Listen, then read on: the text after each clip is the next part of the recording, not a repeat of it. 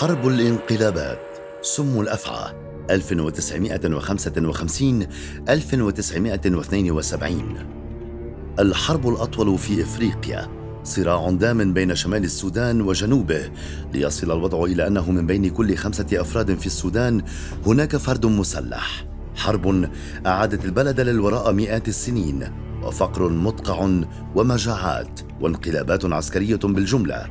كيف حدث هذا في أحد أغنى دول إفريقيا؟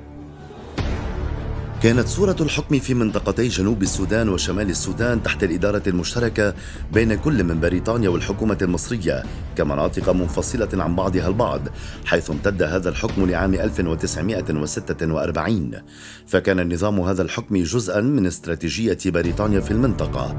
فقد كانت قد دمجت الشمال والجنوب تحت حكم إداري واحد دون استشارة قادة الجنوب. نظام الحكم هذا أثار مخاوف سكان السودان الجنوبيين الذين كانوا يرون أن الكثير من السلطة والنفوذ كانت تمنح لسكان الشمال وقادتهم. بعد ذلك ووصولا للعام 1953 وقعت كل من مصر وبريطانيا اتفاقية تنص على منح السودان استقلاله. ليدخل الاستقلال حيز التنفيذ في الأول من يناير كانون الثاني 1956 تحت حكومة اتحادية واحدة جمعت قادة من شمال البلاد وقادة من جنوبها مع التزام بإعطاء جنوب السودان حقا بالحكم الذاتي تحت ظل الحكومة الأكبر.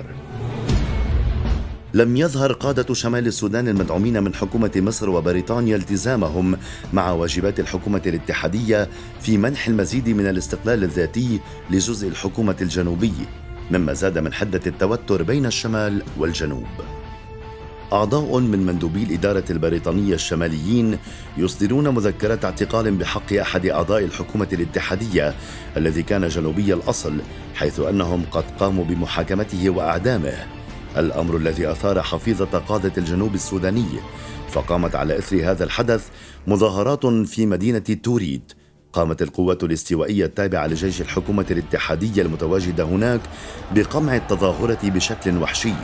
أدى هذا التصرف لإثارة التعاطف من قبل متمردي الجنوب مما دفع بهم إلى نشر التمرد في كافة أنحاء الجنوب السوداني بشكل غير منظم وبتسليح قليل.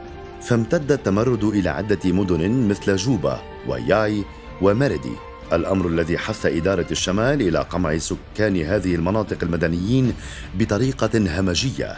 الناجون من هذا الحدث لجأوا إلى أرياف هذه المدن ليستأنف العمل المسلح من هناك على شكل حرب عصابات. بشكل تدريجي بدأت تتكون الحركات الانفصالية في الجنوب السوداني عام 1955 فشكل جيش عصابات موحدا أسمته بأنانيا حيث أنها كانت قد بدأت عملها المسلح ابتداء من ولايتي أعالي النيل وشمال بحر الغزال في الجنوب السوداني. كما وكانت الحركة الأولى من نوعها التي قامت بتجنيد الأطفال تحت عمر الثامنة عشر. ولكن الاختلافات العرقية التي سادت قوات الحركة الانفصالية شكلت نقطة ضعف لم تستغلها الحكومة الإدارية في الخرطوم.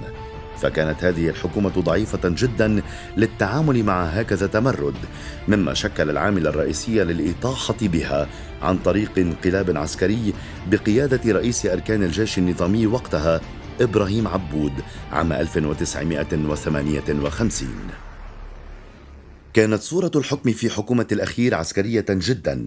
الحكم العسكري الذي كان واضحا آنذاك أدى إلى موجة كبيرة من الاحتجاجات داخل الجنوب السوداني. فقامت قوات من الحركات الانفصالية بمحاصرة إبراهيم عبود وبعض من أعضاء حكومته.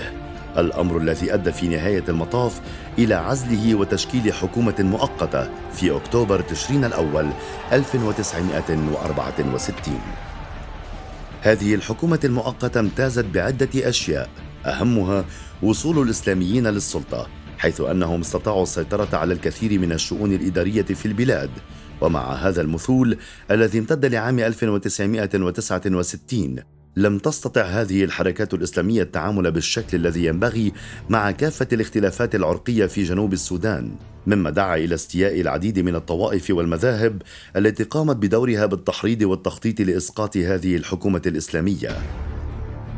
نتيجة لهذا التحريض تم الانقلاب على الحكومة في مايو أيار 1969 بقيادة العقيد الاشتراكي جعفر النميري الذي أصبح رئيسا للوزراء على عجل.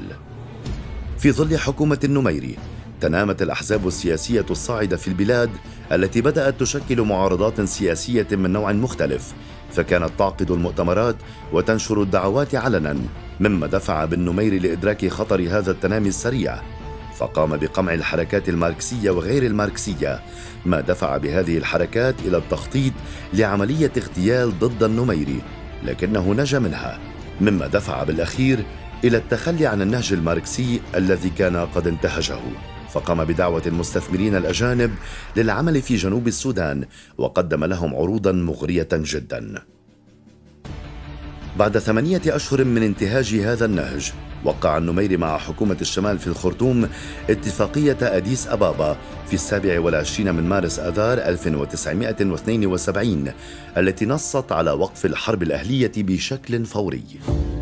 على الرغم من انتهاء القتال على الأرض بقي السلام بين شمال السودان وجنوبه في حالة من عدم الاستقرار تجلى في مناوشات طفيفة على خطوط التماس بين جزئي البلاد.